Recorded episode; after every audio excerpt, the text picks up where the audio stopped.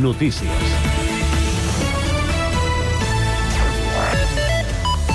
Bon dia, Bernat Picornell, tinent d'alcaldia de Drets, Dinamització de la Ciutat, Comerç i Seguretat i portaveu del grup d'Esquerra, admet a Cugat Mèdia que el seu partit no té interès a mirar enrere, tot i que no defuig l'autocrítica per la situació econòmica actual que atribueix a factors externs. Picornell, això sí, diu que l'augment de sous va ser una petició de Junts i recorda el pes que tenen dins el pacte de govern. El cap visible dels republicans repassa en aquesta entrevista, que podeu veure a Cugat Mèdia, temes calents de la seva tinència d'alcaldia, com Can Ametller, la policia local o els mercats municipals.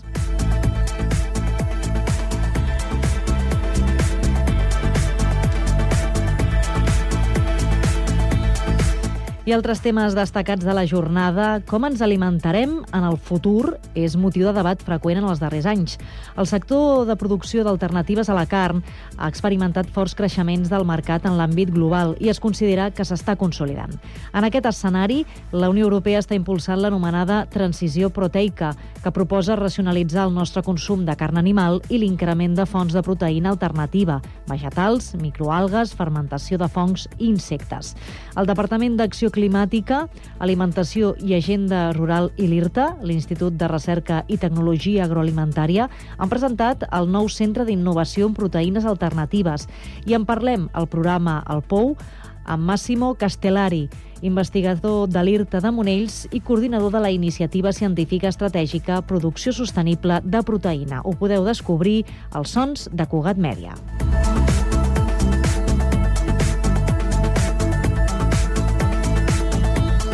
Clàudia Riera i la fotografia Summer Vibes és la proposta guanyadora per votació popular del concurs Tot Fotoportada del grup Tot Mèdia. Emili González i Santi Ávila són els guanyadors de les categories d'Instagram i web. La iniciativa ha rebut propostes de més de 1.000 participants i ha repartit premis per valor de 8.000 euros. Enguany, l'exposició de carrer de les fotografies es reparteix entre les places de Barcelona, Lluís Millet, Can Quitèria i Octavià. I a Sant Cugat no han arribat les xinxes, així ho defensa la regidora de Salut, Núria Fernández, que fa una crida a la calma després que la plaga d'aquest insecte francà hagi disparat les alarmes i el nerviosisme entre la població. Fernández ha explicat a Cugat Mèdia que l'Ajuntament no ha rebut cap alerta per presència de xinxes i que, en tot cas, el que sí que hi ha a les zones boscoses del municipi són paparres. En aquest sentit, la regidora ha assegurat que la temporada de paparres s'ha allargat enguany per les altes temperatures, però no s'ha detectat un increment alarmant a Sant Cugat. Cugat Mèdia, la informació de referència a Sant Cugat.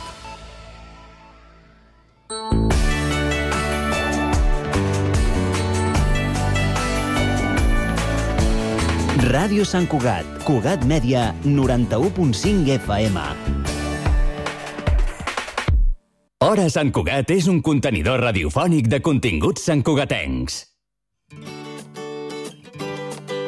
Continguts en xarxa.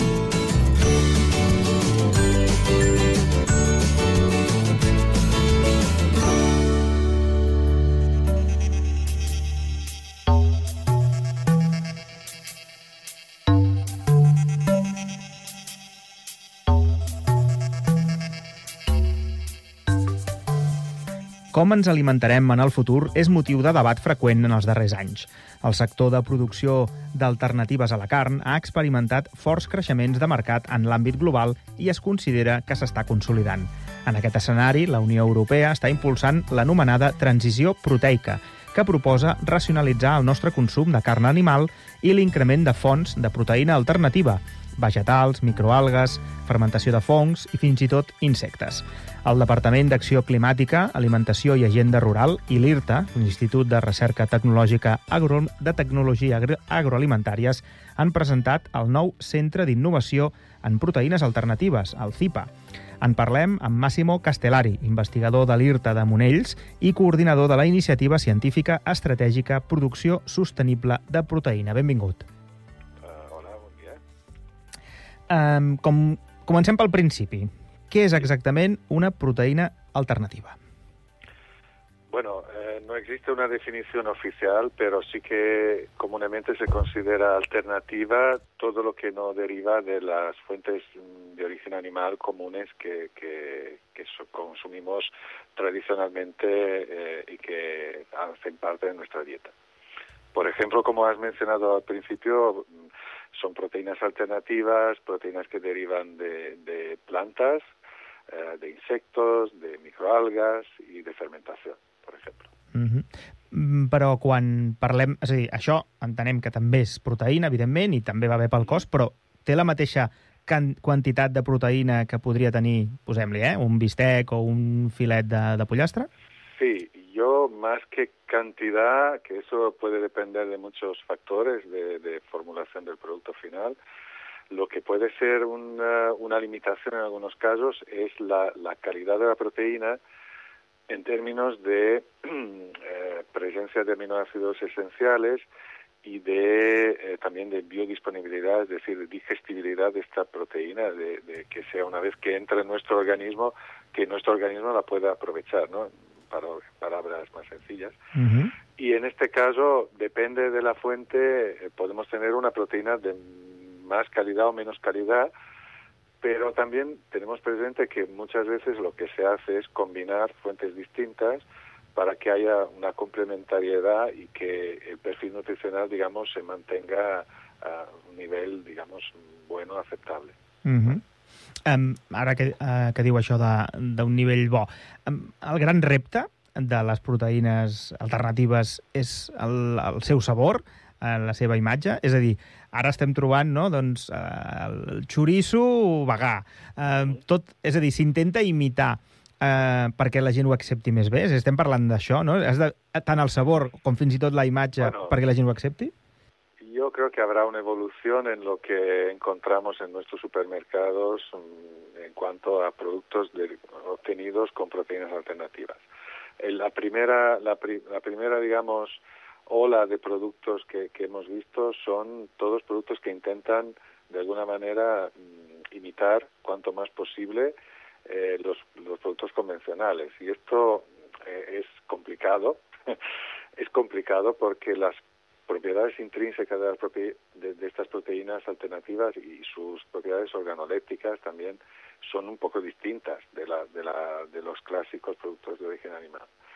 Lo que sí que, que se está mejorando esta, esta presentación, digamos, cada vez los productos análogos, como se llaman, eh, son presentan unas propiedades no solo nutricionales, sino también eh, organolépticas, sensoriales, más, más, más aceptables, más buenas, eh, pero lo que sí que, que también se está intentando es ir a, a, una evolución hacia desarrollo de productos nuevos que no, no, no intentan imitar las propiedades de los productos convencionales, de los alimentos convencionales, sino que, eh, digamos, pre presentan alguna, alguna, alguna característica nueva y que está más eh, en línea con las, con las propiedades de, estos, de estas fuentes alternativas.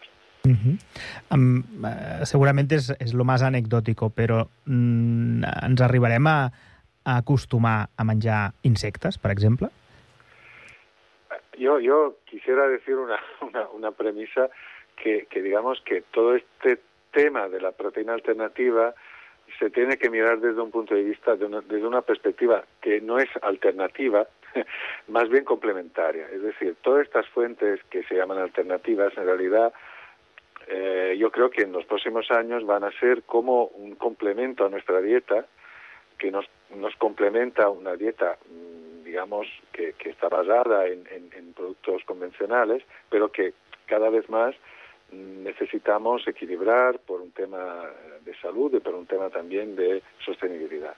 Pero que, la base de nuestra dieta mmm, probablemente no va a cambiar de forma radical de un día por otro. Eh, en este sentido, eh, en este sentido, mmm, todos estos productos son como un, un complemento para, eh, para, para eso, para equilibrar mejor nuestros hábitos de consumo. Uh -huh. Pero en tema, en tema de insectos, probablemente es una de las fuentes más eh, problemáticas en este sentido, porque evidentemente, especialmente en la sociedad occidental, no, no es un vemos los insectos como algo bastante negativo ¿no? en, la alimentación y es normal esto. Con lo cual eh, hay, un hay un cierto rechazo. Ahora bien, eh, pensamos a insectos y, y, fuentes alternativas no solo como una fuente de alimentación para humanos, sino también para los animales. Y en ese sentido, los insectos pueden ser una fuente bastante interesante para hacer la más sostenible, por ejemplo, la, la, la, la ganadería convencional, digamos, las producciones clásicas de proteínas, de alimentos proteicos de origen animal, también pueden ser más sostenibles. Y, y, utilizar fuentes alternativas de proteína a lo mejor también es una forma para ir un poco en esta, en esta dirección. Y la otra cosa es que pensamos al insecto mm, muchas veces como, como un ingrediente que comemos así tal cual, como el insecto, ¿no? El gusanito, pero también eh, se está intentando obtener ingredientes con una, como harinas o, extractos proteicos que tienen evidentemente una, un aspecto y una y una y también un impacto organoléptico más neutro y que probablemente algún día probablemente lo encontraremos en una no, yo qué sé en un en un pastel eh, una mezcla de harinas de insecto con harina de trigo y no, no, no nos enteraremos por el gusto seguramente. Yo, yo, yo he probado alguna, alguna, alguna de estos, de algunos de estos productos y realmente a nivel sensorial no se percibe ninguna diferencia. Así que eh, probablemente eh, en un futuro habrá ingredientes que se utilizarán como se están utilizando ahora, yo que sé, la soja o, o ingredientes derivado de, de vegetales, sin ningún problema. Si el que diu és que, diríem, conviuran diríem, les dues proteïnes, per entendre'ns, que no, no és una que substituirà l'altra. El que sí que passarà és que si es redueix no, la, la, la producció de proteïna animal, acabarà sent un producte de luxe. Mm, esto esto de momento el producto de lujo son los derivados de, la, de las proteínas alternativas por un tema de precio, de, de coste. Así que el futuro es muy difícil de prever y esto a mí no me gusta mucho hacer previsiones porque normalmente fallan. Así que incluso los economistas que son especialistas en este tema han hecho previsiones y van revisando cada año previsiones de cuotas de mercado, de la proteína alternativa y de la proteína convencional. Es un tema que depende de demasiados factores para, para realmente poder hacer una, una, una previsión realista y con, eh, y con sentido común. Lo que sí que puede ser es que eh, la producción convencional a largo plazo sea algo como muy, mucho más, mm, no de lujo, pero con un, una, un carácter mucho más de relación con el territorio, con uh, la tradición. Entonces, mm, eh, en este sentido, no sé si puede, se puede hablar de un producto de lujo, pero sí seguramente es un producto que será más, eh, también será una producción más sostenible, será una producción, a, a, lo mejor no será una producción extensiva, será una producción más de, eh, digamos, tradicional, ¿no? De, de, ganadería tradicional, etcétera. En cuanto a si lujo o no, yo creo que esto es un poco pronto para, para poderlo prever. En este momento, el producto de lujo, por ejemplo, son eso, son la carne cultivada es un producto de lujo, donde se puede consumir en, en Singapur es un producto que cuesta como un filete o más, con lo cual eso, eso a largo plazo nadie lo sabe exactamente. Uh -huh. Cuál es al, la. Al final, tot es redueix a una qüestió de preu, és a dir, si, si arriba el moment en què això, un, un bistec o un filet de pollastre costa tres vegades més que un derivat o una alternativa etc i el sabor més o menys, vinga, va, som-hi, doncs eh, doncs s'acabarà bueno. imposant, no? És a dir, al final serà el preu. Segurament no tant la conscienciació eh, de mediambiental, sinó el preu.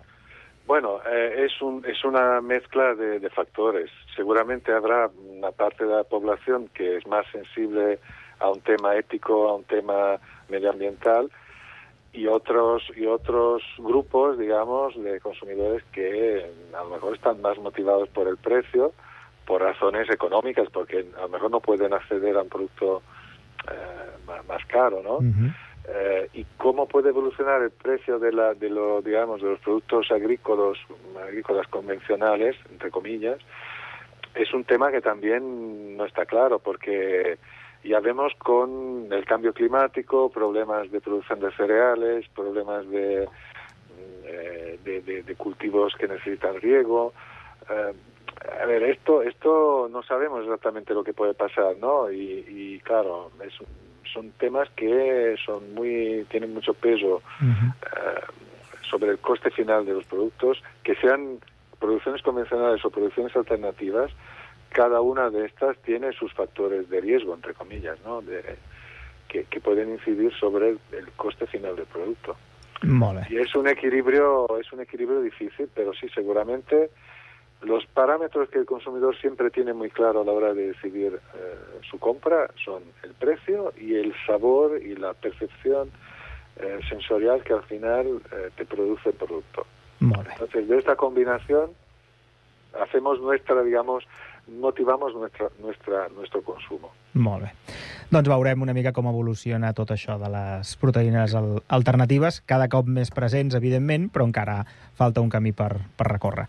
Moltes gràcies, Massimo Castellari, investigador de l'IRTA de Monells, per atendre'ns i explicar-nos com està aquest tema. Merci.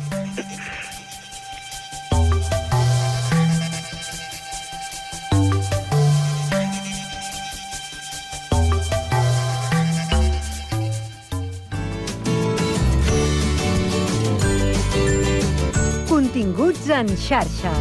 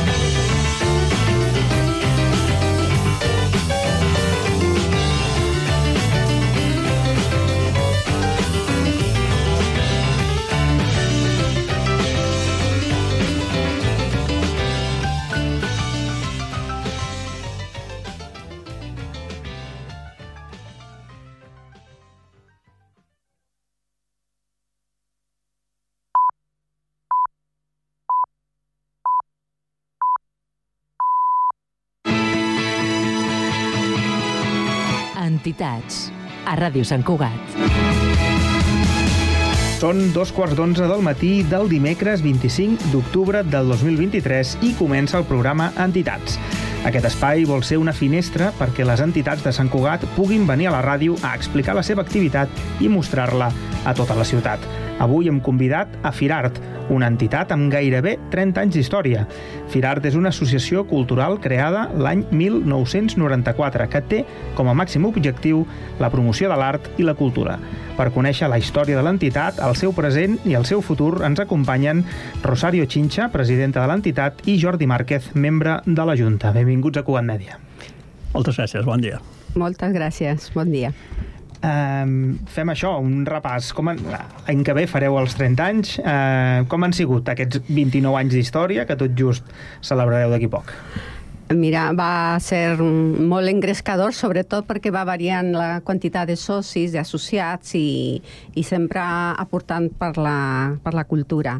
L'art sobretot ha d'estar en moviment, hem de tenir mm, varietat d'artistes de diferents disciplines i doncs així vam anar-hi. Vam començar al 94 pues, per una iniciativa justament d'artistes com la Begoña Valcàrcel, l'Adolf, um, i així, artistes de, del poble. Doncs mira, va començar a créixer, quasi al 2000 ja eren 100 socis, i, i ara va haver-hi una temporada que va baixar, no? Del 2000 al 2008, 9, va baixar una mica, bueno, pel canvi de- d'economia i tot això, tot plegat. Doncs ara, a partir del 16, el 18, van començar a remuntar i ara podríem dir que estem bé, amb 80 socis, oi, Jordi? Que Sí, és el que sobre- porta la... Els comptes. Bueno, sobre la vuitantena, però això va, va variant més a més, perquè vull dir, malauradament hi ha, hi ha baixes i mm -hmm. afortunadament doncs, anem captant nou, nou, nou socis i llavors eh, actualment estem sobre la, sobre la La vuitantena. vuitantena. Molt També he de dir que, que ni la Rosario ni jo érem a l'any 94 quan No. va començar quan va començar a firar, jo em sembla que fa uns, uns El 10 anys 16. que... El Van, 16. sí, el com- van començar l'any 16 a formar part de la Junta i doncs va, va haver-hi un canvi es va treballar ja amb altres maneres amb projectes, projectes concrets per cada espai, eh, una mica més, mm, bueno, disciplinat en, entre cometes. Sí, no? això volia preguntar una mica com, com ha evolucionat la- l'entitat, és a dir, de- d'aquells principis que vosaltres no hi éreu, i no, no hi éreu ni tan sols com a artistes, entenc? No. No, no, eh? No, jo personalment no. I ella, ella No, bueno, jo vaig estar des del 14, Mhm. eh, vaig començar com a artista, eh? Mhm. perquè l'entitat és d'artistes. Correcte. D'artistes entre, bueno, de eh, pintors, gravadors, escultors, fotògrafs i i també de disseny, no? Tenim sí. arquitectes, metges, que, són, que tenen aquesta vocació, tenen Mhm. l'actitud i l'aptitud, que és el més important. Molt bé. Jo vaig començar, el, jo crec que va ser el 2013, vaig, 13, eh, abans que vaig fer soci i al cap d'un any o dos pues, ja em van demanar d'integrar-me a la Junta i bueno, pues, aquí, aquí estic encara. Eh, ja que hi som, quines són les vostres disciplines? Jo toco la fotografia. Uh -huh. Molt bé. I tu, Rosario? Jo sóc pintora, gravadora i dibuixant. Molt bé. Em, em tinc aquestes tres especialitats. Bueno, jo arrel de pertànyer, jo també la, jo més feia fotografia i arrel de la meva integració final pues, també dibuixo, també faig gravats actualment. Molt bé, perfecte. Um, durant l'any, la veritat és que sou molt, molt actius, organitzeu la mostra d'art a- al carrer cada primer i tercer diumenge de mes, però també feu tallers de model, concursos, conferències, exposicions, col·lectives i individuals, col·laboreu amb altres entitats i aquest cap de setmana estareu a la, a la Fira de la Tardor com una entitat més, no? Sí, sí. Um, la, en- podem dir que el Firart ara mateix es troba en un bon estat de, de salut i estem, eh, diguem, feu moltes coses, esteu bé? Sí. Sí, estem molt bé, treballant força i sobretot a, aquest este 3 de novembre inaugurem aquí a Casa de Cultura uh, el projecte de la finestra indiscreta. Mhm. És tot un projecte superbo perquè es tracta doncs, justament de la- d'aquesta la, la mirada indiscreta del boger, no? Mhm. el, un tema bogerístic total, però eh, depèn de la mirada també de l'artista. L'artista, nosaltres proposem un projecte i l'artista desenvolupa a la seva manera de veure des del, des del punt de vista mm, personal. Doncs, a veure, serà tota una sorpresa aquest 3 de novembre que s'inaugura a les 6 de la tarda.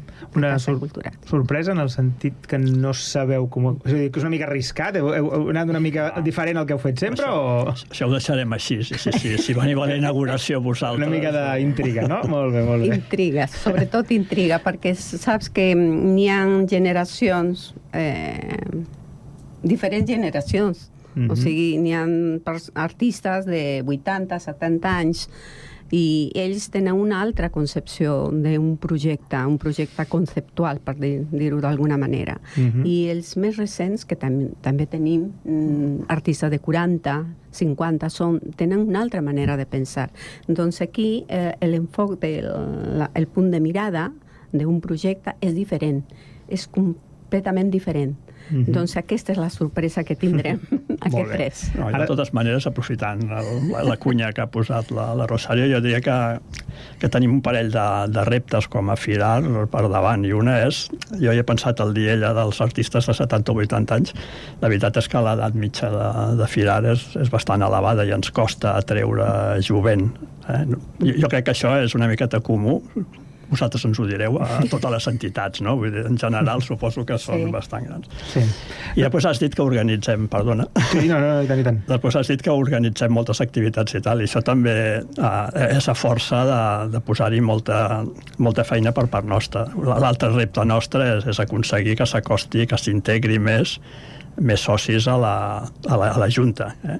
I això, pues, any, any rere any, pues, quan toca cada quatre anys, pues, renovar la Junta i això pues, ens les veiem i desitgem per, per, per cobrir càrrecs. I, i per exemple després et queda vull dir, oh, aquesta és la meva tercera legislatura. Quan, quan, quan acabi això seran 16 anys no? i llavors pues, eh, jo trobo que seria bo que, que, que, que, que s'apuntés gent nova amb idees noves, amb energies noves.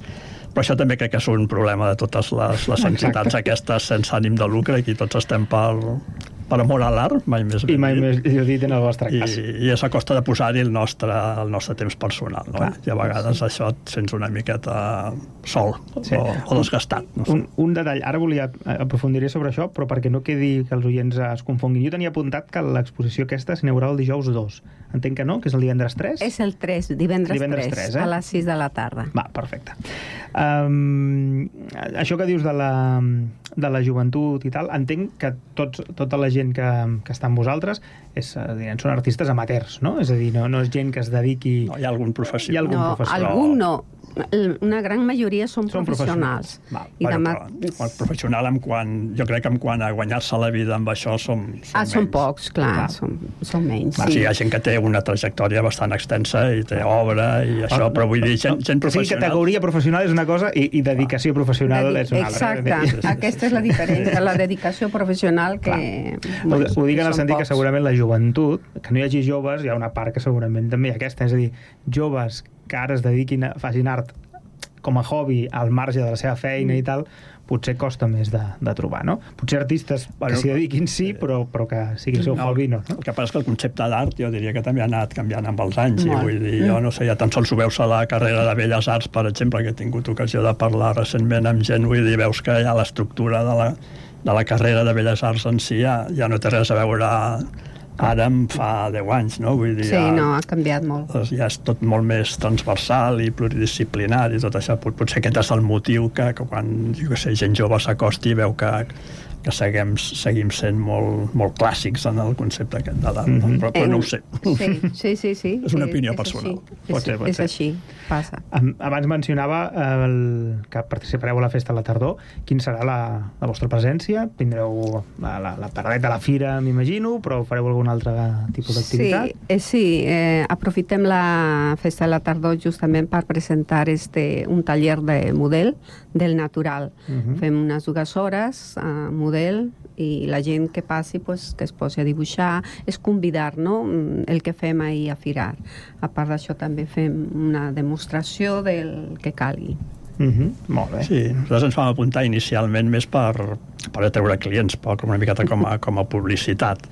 I, i després també vam pensar que seria bo pues, oferir un, una activitat que també és, la, també és una miqueta la, el que vol la, la Fira de Tardor, no? Mm -hmm. I llavors pues, fem aquest taller, seria una miqueta el, el mateix que fem tots els dijous a la tarda a la, a la Casa Imat, però obrint a tota la ciutadania, o sigui, qualsevol persona que passi per allà pot seure, pot dibuixar. Se'ns han assentat alguna vegada alguns, alguns polítics, també, dibuixant. Sí. No sé si periodistes n'hi ha hagut mai. cap No, jo crec que no. No acostumem a ser bons dibuixants, no, en general. Molt bé. I quin, quina és la... Ara que parlava no, de la joventut, etc m'ha vingut al cap la pregunta. La relació amb l'Escola d'Art i Disseny, amb Firart? És a dir, hi ha, hi ha, hi ha algun feedback? Realment pot ser una, un bon planter, no?, com es diu a vegades, de, Sí. de, de treure gent? Podria ser, però no hem tingut l'oportunitat de fer-ho. Però sí tenim este, aquesta col·laboració amb l'Escola de, de Música i, i Dansa, que és fusió. En fusió. I fem aquesta no, col·laboració, la sinergia que n'hi ha entre totes aquestes dues entitats és que cada presentació que fem de projectes, com el Casa Cultura o Ateneu, ells fan una demostració de música amb una alumna que estigui en últim any, la, la millor ens posen ells i, mm. i molt bé, treballem així. Amb, amb l'escola d'art hi ha hagut alguna aproximació, però no, mm, tampoc molt, molt intensa i no, no, ens hem potser arribat a entendre una miqueta amb el concepte perquè nosaltres el que, el que fem, tots els socis són persones físiques Uh -huh. i llavors en algun moment que s'havia parlat una miqueta d'això, doncs, a l'escola d'art o, o els seus alumnes tindrien interès més en participar com a, com a col·lectiu i llavors això és una cosa que suposo que hauríem de, de continuar explorant. Sí, Mhm. d'explorar, sí. Molt bé. Perquè sempre hi ha una frase que es diu molt, sobretot els que no som de Sant Cugat i venim aquí a treballar, o, o la gent que ve a viure, no?, i senten la paraula Sant Cugat, terra d'artistes, no? És a dir, encara ho és? És a dir, podem encara es manté aquesta frase? Creieu que sí? Jo crec que sí. És que n'hi ha una bona colla d'artistes que han sorgit d'aquí i encara hi són. I, estan, I són a la pràctica, estan aquí, el Bernil, Saladol, eh, en fi, Ribas, i Mm -hmm. són Bueno, jo no grans sé, artistes. Jo no sé dir-ho, però no sé, esclar, comparant amb altres Xavi poblacions, jo, Costa, jo la veritat sí. és que no, no, no t'ho puc dir. Bueno, sí que n'hi ha, n'hi ha prou artistes aquí. A comparació d'altres pobles, sí que són, tenen ressò. El que m'explicaven és que fa un temps, ara ja no, perquè s'han tancat algunes, però de galeries d'art, Mhm. no sé si era la que en tenia més o gairebé més, eh? això sí, ara Sí. això ha canviat, però va haver-hi un moment en què de galeries d'art en teníem un, Sí. un munt, oi? Bueno, Sí. jo, jo, jo diria que ha canviat una miqueta la- la- l'escala de valors de, de la gent. Jo, jo vaig viure o he viscut amb aquests 14 anys que fa que hi soc. Jo, jo també havia participat, ara no, però havia participat a les mostres d'art al carrer i, i realment notes eh, jo potser abans la gent pues, tenia a la seva escala de valors en un lloc més, més amunt pues, el posseir una obra d'art o tenir un quadre penjat a la paret i ara això jo crec que... Però, però també és una apreciació personal, jo crec que, que això també ha baixat i, Ha baixat i s'ha perdut una mica. i aquí realment veus aquí ja parlant de Sant Cugat, quan, quan es fa una mostra d'art al carrer doncs hi ha un públic, però quan es fa la Fira de la Cervesa doncs hi ha 10 vegades més, no? I llavors arribes a la La conclusió... competència és una dura, eh? La competència és dura. Bueno, la, no la competència, perquè nosaltres no servim beguda, però, però sí que la gent, doncs, doncs no sé, s'estima més dedicar el seu oci o els seus diners a coses més, mm, no sé si dir-les més entretingudes que, que l'art, però bueno, això. Mm, molt bé. El, una cosa que preguntem molt sovint a totes les entitats que passen per aquí, perquè és una cosa que ens ha marcat la vida, va ser un punt, un punt ja a part, o un, un punt i seguit en molts casos, no? un punt d'inflexió, això que no em sortia la paraula, que és la, la pandèmia, no? És a dir, vosaltres, eh, Firart és la fira al carrer, no? És a dir, és portar l'art al carrer i que es vegi. Clar, Mhm. durant un any llarg, res de res. I, I realment la normalitat, normalitat, fins aquest 2023 no l'hem tingut al, al 100%. Mhm. Com ho heu viscut, l'entitat?